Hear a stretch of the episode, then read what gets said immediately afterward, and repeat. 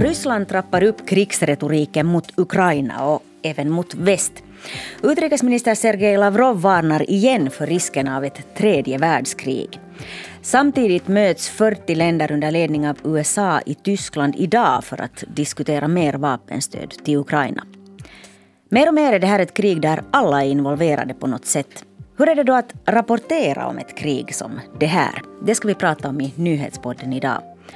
Jag heter Jonna Nupponen och här i studion med mig är Antti Kuronen, utrikeskorrespondent på YLE. Hej, länge sen sist.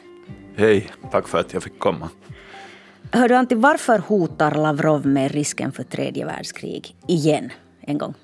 No, säkert just uh, därför som du sa att det här börjar vara ett krig där alla är involverade. Och med alla så talar vi om väst. Att uh, stora delar av världen är då förstås inte involverade men Eh, Ryssland är nog väldigt, väldigt ensam i det här kriget och, och ser hur allt fler europeiska länder också uh, börjar hämta till exempel lite så grövre vapen till Ukraina. Att uh, det mest avgörande vapenhjälpen så har ju kommit från USA och Storbritannien. Och EU har liksom kommit lite här på efterkälken. Och, men nu har EU och till och med Tyskland som har varit den verkligt uh, bromsa här med den här vapenhjälpen, så mm. Tyskland har nu också, eller nu finns det då ett rykte om att de idag kanske skulle meddela om det. Och, och Ryssland helt enkelt är ganska ensam i den här situationen. Deras armé har presterat väldigt dåligt mycket sämre än någon trodde. Och då har de ju alltid liksom kvar det här med det här kärnvapenhotet mm. och också andra sådana här massförstörelsevapen. Mm. Du jobbar ju som utrikesreporter på YLE och mest har du varit på plats i Ukraina de senaste månaderna. Eh, du har synts i tv, du har hörts i radio, ofta med ljud av skottlossning i bakgrunden eller framför något sönderbombat hus för publiken och kanske vanliga människor så kommer det här kriget på något sätt närmare än andra krig. Kanske för att det också är närmare det i Europa. Kommer det närmare också för en krigskorrespondent? No, ja och nej.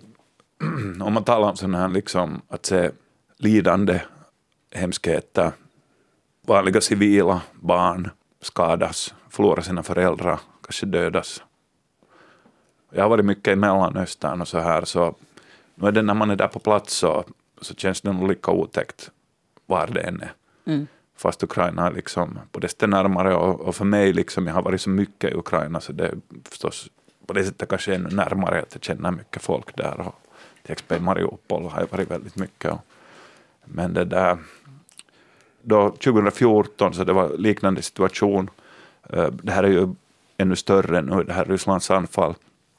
Men då i östra Ukraina då på våren och sen på sommaren 2014, så det var också väldigt eh, brutalt. Och jag, det var helt samma. Jag äh, såg människor som eller, människor begravde liksom sina anhöriga på bakgården för de vågade inte liksom gå till gravgården. Och, och det fanns liksom, man hade fört lik, lik in i något skjul, vet du, de kunde öppna det och där fanns många lik. Och, mm. Äh, det fanns avrättningar som ryssarna gjorde och mycket av det här och närmare två miljoner människor flydde då från östra Ukraina, uh, det här våldet. Och, så, så det var också väldigt stort och där dog över 10 000 människor liksom då den där sommaren.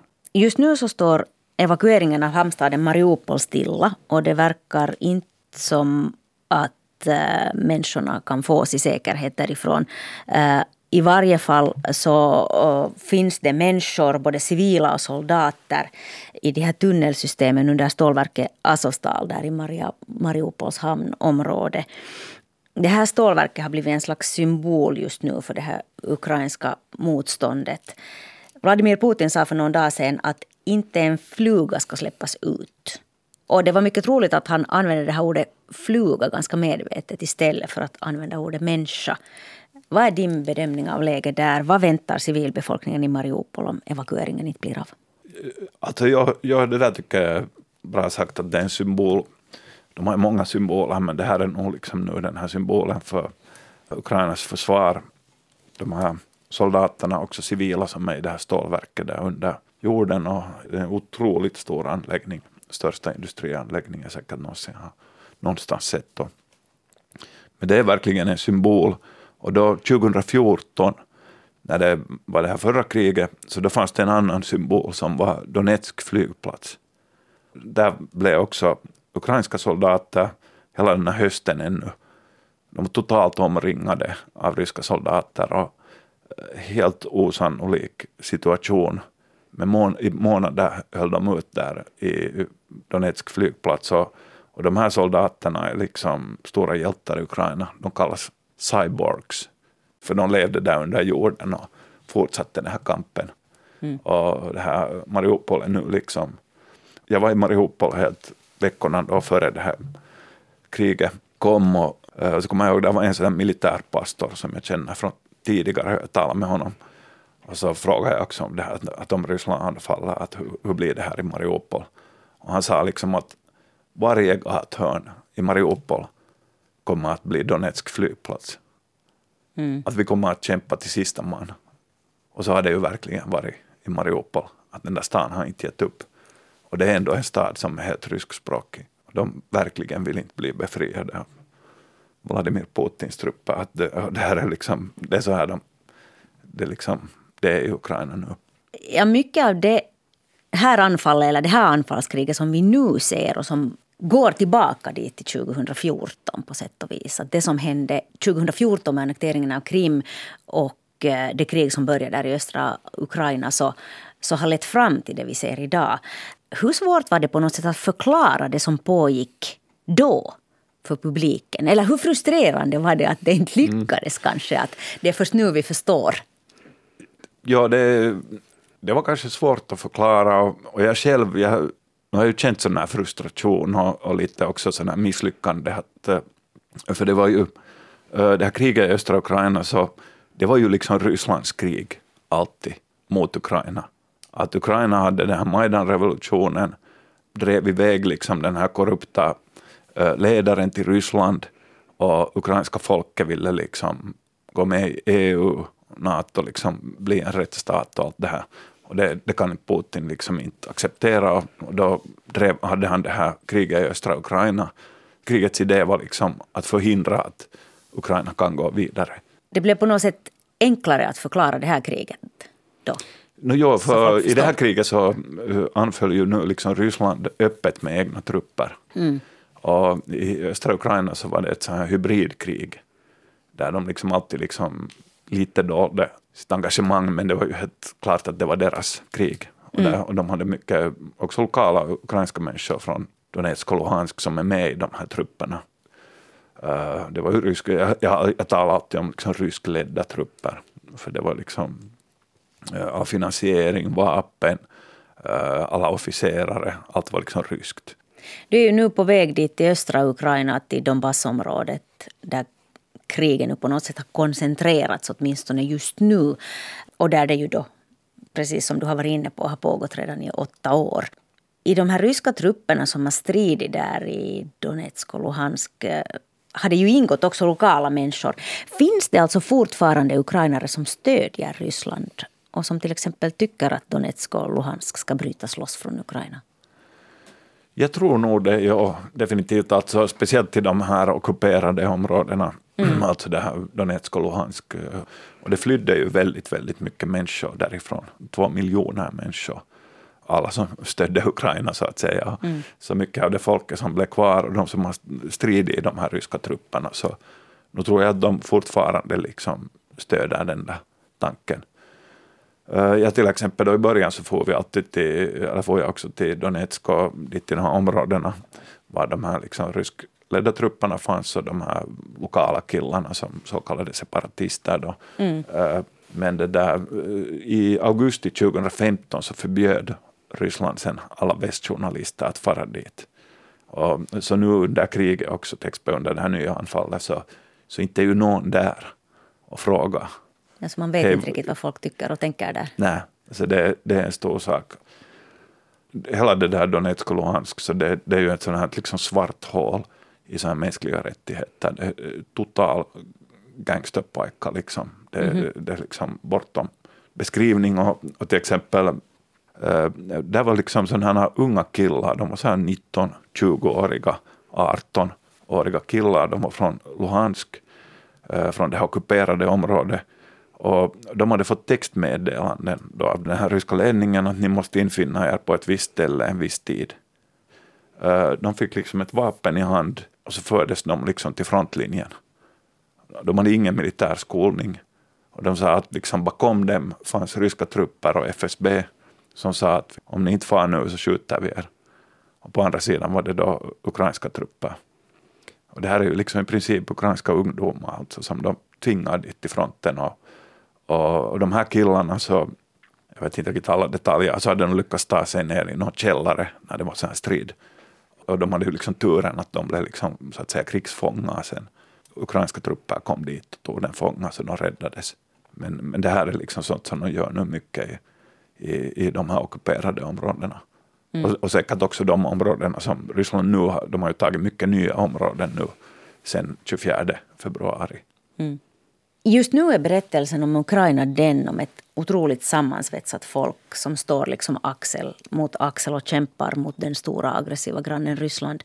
Eh, och det här är ju en viktig berättelse för Ukraina som är i krig. Hur sammansvetsade är ukrainarna i verkligheten, skulle du säga? Nu gällande det här kriget så är de nog väldigt mm. sammansvetsade. Det, och det, jag har själv rapporterat om det här. Och de, de är nog väldigt sammansvetsade. Att, att, att det är klart att just XP, de här ockuperade områdena, Donetsk och Luhansk, finns det säkert, eller där, de som är kvar. Mm. Så de har ju liksom stött det där eh, ryska grejen, många. Så de säkert stöder det. Mm. Uh, men det ser ju inte ut att, att de områdena skulle liksom bli en del av Ukraina nu. Men att förstås om de områdena skulle bli en del av Ukraina så skulle det vara ganska besvärligt. Men sen, sen finns det helt klart människor också i Ukraina, som, där finns över 40 miljoner människor, så det finns ju förstås människor som stöder Ryssland. Mm. Men det har varit väldigt liksom marginellt. Men det finns, eh, och jag har på flera ställen också så, så har de berättat sen eh, också och, och läst liksom media att det finns någon individ som liksom avslöjar något koordinater åt ryssarna. Mm. Ringer in till exempel att det finns ukrainska trupper i det där huset. Och så blir det anfall. Och, och, var, och sen var jag till ett ställe, uh, ja, en bra bit från Harkiv, lite österut, och där var en by uh, faktiskt helt bredvid var Ilja Repin, den här bildkonstnären, mm. föddes och växte upp i Ukraina. Uh, I alla fall, så det var en by och där jag var med soldater där och de berättade i den byn så hade uh, en del folk liksom hissade upp ryska flaggan mm -hmm. när Ryssland inledde det här anfallet då 24 februari. Men jag tror att de hade ganska snabbt ångrat det, för ryssarna hade bombat den där totalt sönder. Trots ryska flaggor? Trots ryska flaggor. Alltså de började, då när kriget började så de sköt från rysk sida ända dit, alltså mm. 30-40 kilometer bort. Så de hade inte sett de här enskilda flaggorna där. Hur upplever du att Ukraina har förändrats under de här åtta åren som du har bevakat det här landet? No, nu, nu har det ju det förändrades massor. Då. Det var alltså, min, min liksom, Ukraina liksom bakgrund började då från åtta och ett halvt, nio år sedan. Så, men då liksom den där 2014 när, eh, då när det här kriget började och Ryssland liksom anföll eller startade det här kriget där i östra Ukraina, så då, då var ju liksom Ukrainas armé uh, totalt på dekis. Och, och det, det blev en jättestor sån när människor började samla pengar till armén, skicka mat och man, liksom på alla sätt stödde man liksom den här ukrainska armén. Och då, och då var det säkert inte liksom hela befolkningen, men, stora, men många. Mm. Men nu liksom, sen när det här hände då, liksom många år senare, så, så det, det, det har varit helt otroligt liksom, att det, det finns sådana frivilligtrupper som helt är under armén som man kan gå med i. Mm. Och, så de kunde ju ta emot liksom alla som ville ansluta sig. Ukraina hade helt enkelt inte liksom vapen och gevär att ge åt alla. Mm. Jag var till exempel där i Lviv när det var liksom flyktingar åkte då iväg äh, med tåg och så här till Polen. Och det var många, många såg jag sådana här liksom att äh, pappan var med där och sa farväl liksom åt, åt mamma och barnen.